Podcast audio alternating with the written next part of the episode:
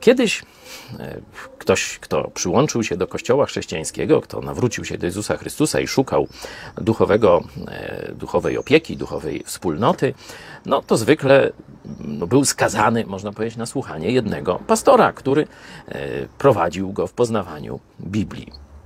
Oczywiście celem każdego pastora powinno być doprowadzenie człowieka do samodzielności w rozumieniu Biblii i do dojrzałości w życiu chrześcijańskim.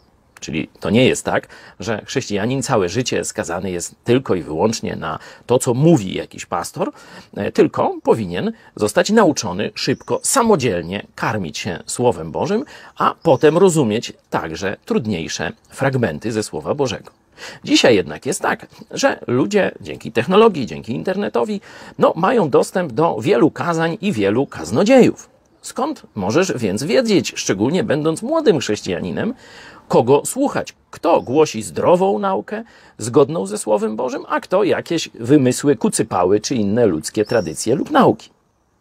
Otóż jest prosty test, który nawet młody chrześcijanin, jeśli jesteś bardzo młodym chrześcijaninem, to nawet ty możesz zastosować ten test i sprawdzić, czy słuchasz zdrowej nauki. Ten test jest w pierwszym liście do Tymoteusza. Pierwszy e, rozdział apostoł Paweł mówi o zdrowej nauce zgodnej z Ewangelią chwały błogosławionego Boga, która została mi powierzona. Czyli inaczej mówiąc, każda zdrowa nauka musi się opierać na Ewangelii, którą znajdujemy na kartach Pisma Świętego. Tu apostoł mówi o Ewangelii, którą on głosi. Czyli jeśli w jakimś kazaniu usłyszysz inną Ewangelię, jeśli u jakiegoś pastora usłyszysz inną Ewangelię, to niezależnie co on głosi o innych tematach, porwaniu kościoła, e, walce z grzechem, będzie to fałszywy nauczyciel, będzie to niezdrowa, chora nauka. Jezus umarł za wszystkie nasze grzechy.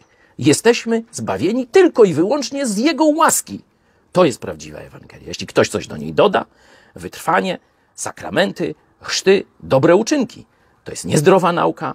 Powiedz szybko goodbye.